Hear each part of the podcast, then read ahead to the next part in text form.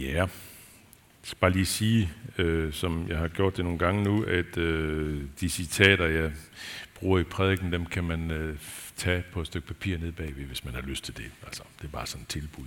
For der har været flere, der har spurgt om det, så der ligger de.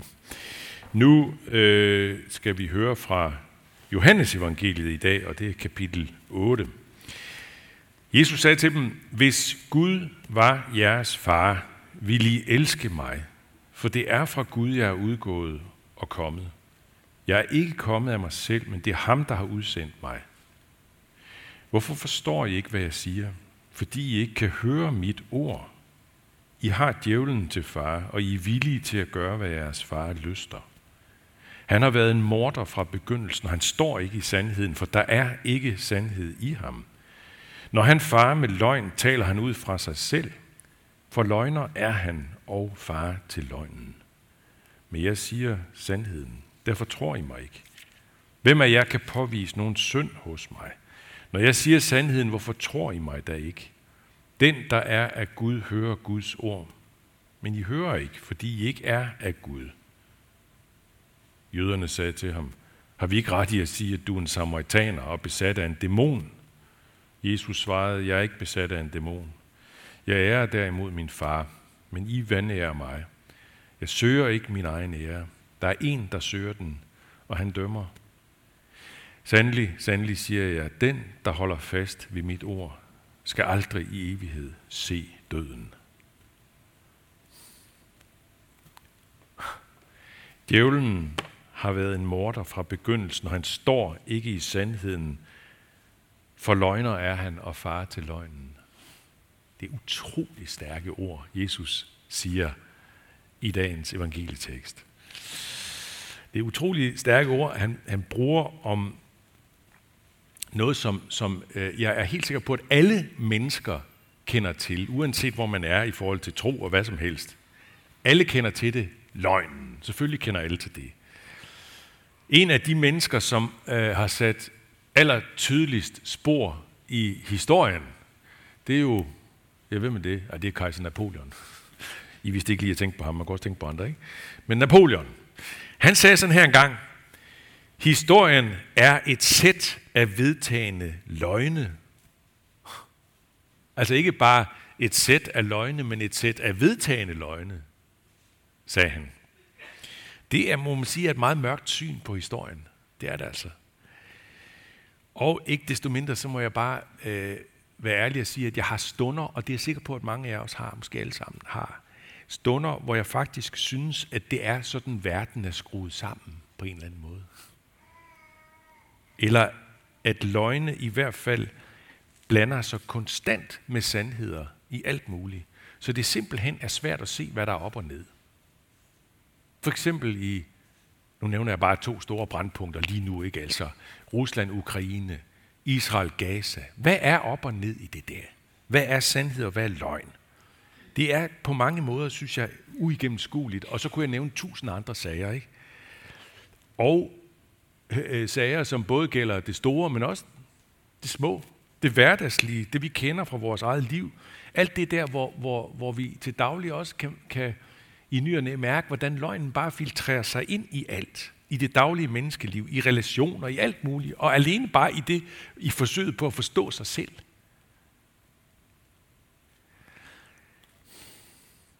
Øh, jeg var øh, i, øh, i forgårs, i fredags, der var jeg lige en tur ned i Ringe, øh, ned på Fyn, øh, på noget, der hedder Liv i stationen. Det er sådan en tidligere togstation, som så er lavet om til sådan noget meget, meget hyggeligt sted, hvor der er et galleri, og så, og så har de også andre ting, musik og hygge og alt muligt. Og der skulle så senere på dagen, efter jeg var færdig med mit, så, så skulle øh, så skulle der være noget, øh, så skulle de holde seks års jubilæum, det har nemlig eksisteret i seks år. Så der kom en masse mennesker, og der var så en, en musiker, øh, som kom, og ham fik jeg en snak med, og han havde lavet en helt ny sang øh, til den anledning, og han sang blandt andet følgende. Hvad er det med øjne, de rimer på løgne? Hvad er det med øjne, de er så forfløjne? Øjnene løber, blikkene flakker, fokus forsvinder bag fjerne bakker. Ja, da jeg hørte det, så tænkte jeg, jamen gisp, det er jo det, jeg vil prøve at sige noget om på søndag sagde jeg også til ham forresten. Nå, Det der, altså at vi er infiltreret i løgnens liv. Jeg, jeg synes, Napoleon han har ret. Historien er et sæt af vedtagende løgne. Livet er et sæt af, om ikke vedtagende løgne, så i hvert fald løgne blandet sammen med sandheder. Og derfor taler Jesus så stærkt, som han gør. Og vel at mærke ikke til alle andre end os, der tror på ham og er hos ham. Sådan at vi på en måde kunne ligesom sætte os på samme side af hans, hans bord, og så, så kan vi nikke, anerkende og genkende og respektere, jamen det er også rigtigt, alle dem, der ikke tror på Jesus altså. Der er ikke meget sandhed der. Nej, han taler til os. Han taler til os, der gerne vil følge ham og tro på ham.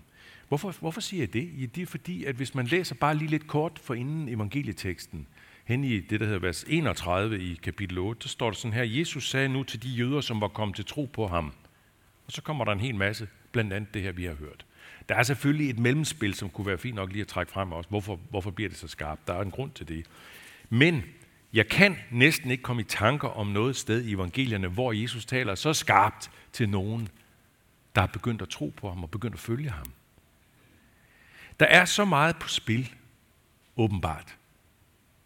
Han er nødt til at flå, altså virkelig flå sløret væk fra vores øjne.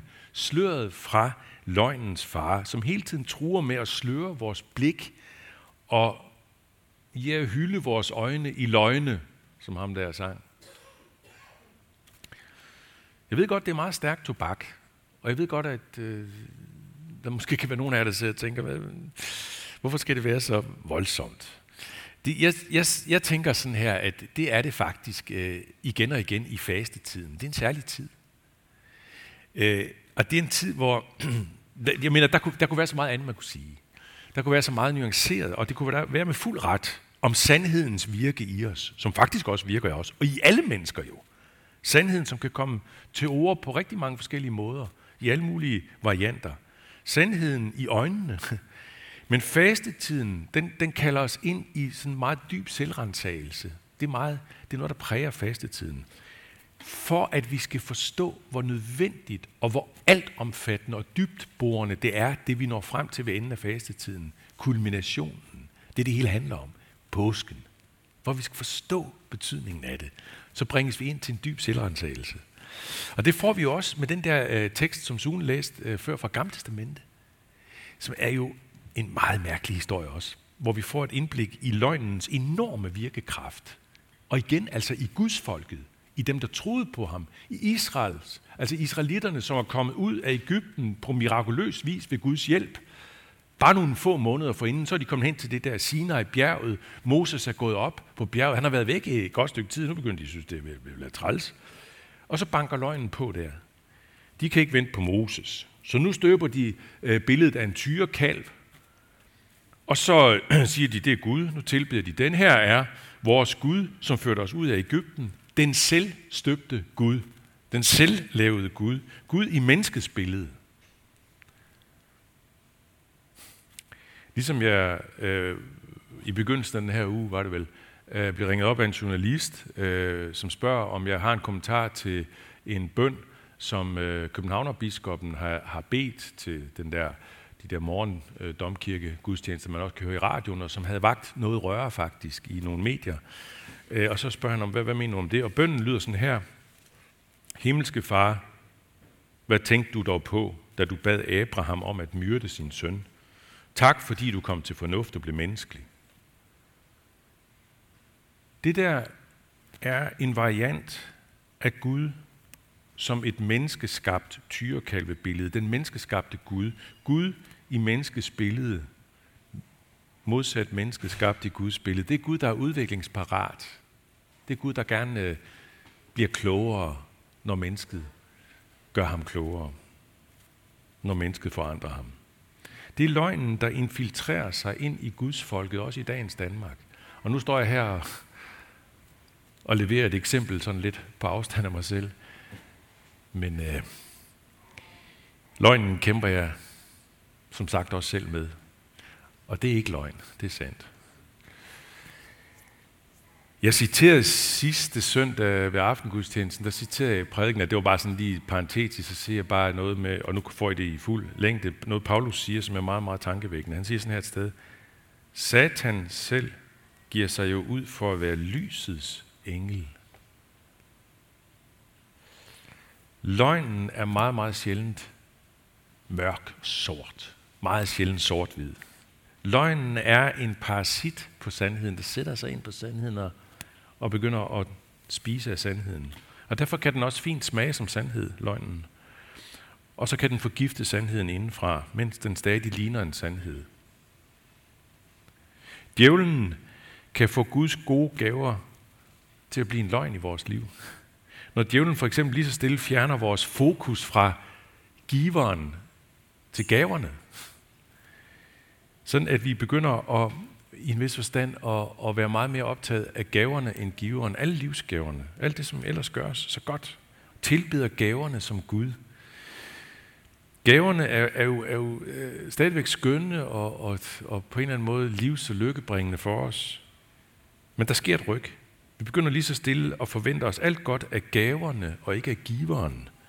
Alt, hvad vi kan opnå af salighed og lykke, ja, det forventer vi fra det her liv, fra livsgaverne nu. Og til sidst kan vi ikke få øje på andet end det her liv. Vi fryser fast i det her liv. Det er det eneste, vi har. Vi satser hele butikken på det. Alt sammen, alt det, der er her, og ikke andet. Selvom vi stadigvæk fromt kan sige øh, Gud, og kan folde vores hænder, og kan gå i kirke, gå til gudstjeneste. Hvordan skal vi dog klare at skille sandhed fra løgn? Det skal vi gøre ved at gøre det, Jesus runder af med at sige til dem, han taler så skarpt til. Det sidste sætning lyder sådan her, ikke? Den, der holder fast ved mit ord, skal aldrig i evighed se døden. Fordi al løgn dør nemlig til sidst. Det gør sandheden ikke. Det er sådan som, øh, øh hvis I har registreret dagens tema, øh, den her gudstjenestens tema i dag. Ingen løgne kan leve evigt. Det er faktisk et citat fra Martin, Martin Luther King. I ved ham, øh, baptistpræsten, der blev dræbt i øh, 1968 over i USA. Øh, han døde jo ikke på grund af løgnen. Han, han døde, fordi han kæmpede for sandheden imod racismens løgnagtighed. Ingen løgne kan leve evigt, sagde han.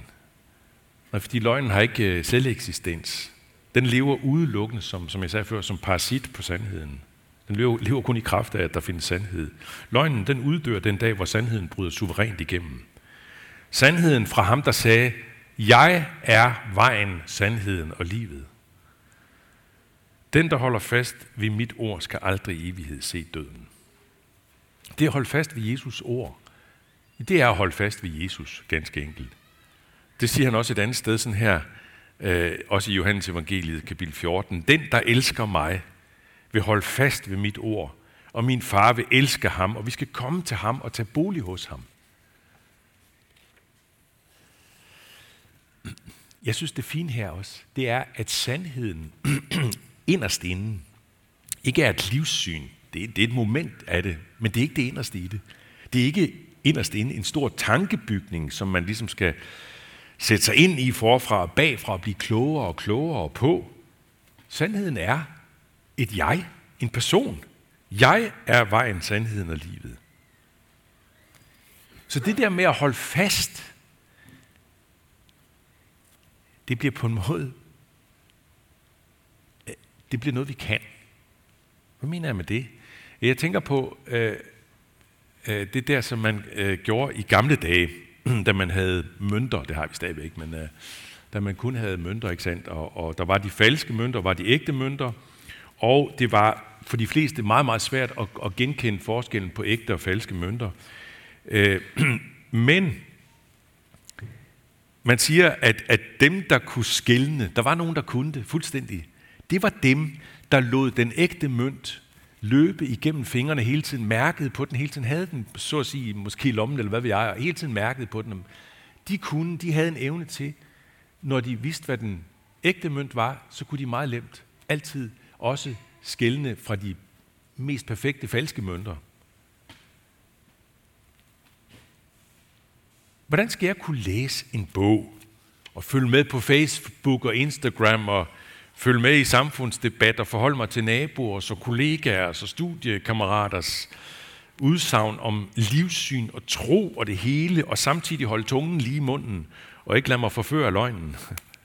Hvordan skal jeg kunne det? Hvordan skal vi kunne det? Det kan vi kun, hvis vi lader den ægte mønt løbe igennem vores fingre igen og igen. Altså hører igen og igen Jesus ord og holder fast ved dem igen og igen. Holder fast ved Jesus ord. Hvordan det så? Hvordan gør man det? Ja, det vil jeg bare sige meget enkelt ved at høre og gøre. Og nu spiller jeg i virkeligheden på, det er måske nogen af jer, der har regnet ud, jeg spiller på en bogtitel, som jeg har øh, citeret fra før. Øh, en norsk bogtitel, Høre, Gøre hedder den, som jeg læste for et år siden eller sådan noget. Øh, og som i øvrigt kommer til at være i spil øh, på tirsdag, øh, når der er fælles celleaften. En hel masse celler har meldt sig og kommer her. Øh, og øh, der skal jeg spille meget ud med det her. Og de er, som sidder i en celle, som måske ikke har meldt sig til, I kan nå det nu vil jeg bare lige sige, parentes. Øh, høre, gøre. Høre. Ja, bliv ved og bliv ved med at høre Jesus ord. På de mange forskellige måder, det er muligt at høre dem på, og på de måder, som på den måde, der passer dig bedst. Øh, nogle af os har det sådan, at den daglige bibellæsning, eller noget nær daglig bibellæsning, det er det, vi har været vant til, og det er det, der er blevet vores måde at høre på igen og igen. Øh, andre kan, kan slet ikke med det der. Det er sådan, der skal man have det på en podcast, eller måske på en mobiltelefon med en sms-ting, eller jeg ved ikke hvad. Øh, nogen har det slet ikke med det der, altså læse og sådan noget, og høre, nej, der er det måske snarere faktisk det at være i en celle, og have den der fælles bibeldeling, fælles bibelsamtale. Sådan som ham der, der skrev, ham nordmanden, der skrev den der høre og gøre. Han fortæller i bogen, at han har aldrig nogensinde kunne finde ud af det der med fast bibellæsning. Han har simpelthen ikke kunne finde ud af det. Det, der blev til hjælp for ham, det, der er blevet hans bibellæsning, det er det, han gør i sin bibelgruppe eller celle. Den der fælles bibelsamtale. Og så er der sikkert mange andre ting, der kunne også nævnes. Andre måder at holde fast i Jesus ord på. Og så selvfølgelig vil jeg også bare sige, altså gudstjenesten først og sidst, som er det her fælles rum, så at sige, for vores fælles modtagelse af Jesus ord. Søndag efter søndag. Var det godt? Var det godt at komme her igen og igen? Og så vil jeg bare godt lige tilføje noget vigtigt her. De allerfleste af os, de kender øh, til det, at det her med at tage bibelord til sig fast og vedholdende, år ud og år ind, det langt fra altid vækker noget særligt i en. Langt fra, faktisk. Men bliv ved. Bliv ved. Hold fast. Hold fast i rytmen. Lad være med at tro, at det jo helst skal give en særlig følelse, når man læser, når man hører Jesus ord. Det skulle gerne give en særlig følelse, i hvert fald de fleste gange. Nej, det skal det ikke. Der kan være lange perioder, hvor Jesus ord har meget lidt, måske ingen følelseseffekt overhovedet i en. Lange perioder. Det siger mig ikke noget, som, som mange vil sige. Nej. Men det gør det alligevel. For det præger, ord præger vores liv meget afgørende. Det gør de i alle mulige andre sammenhænge. Og meget mere end, end de enkelte gange, hvor ord ligesom virkelig skubber til os i følelser og tanker.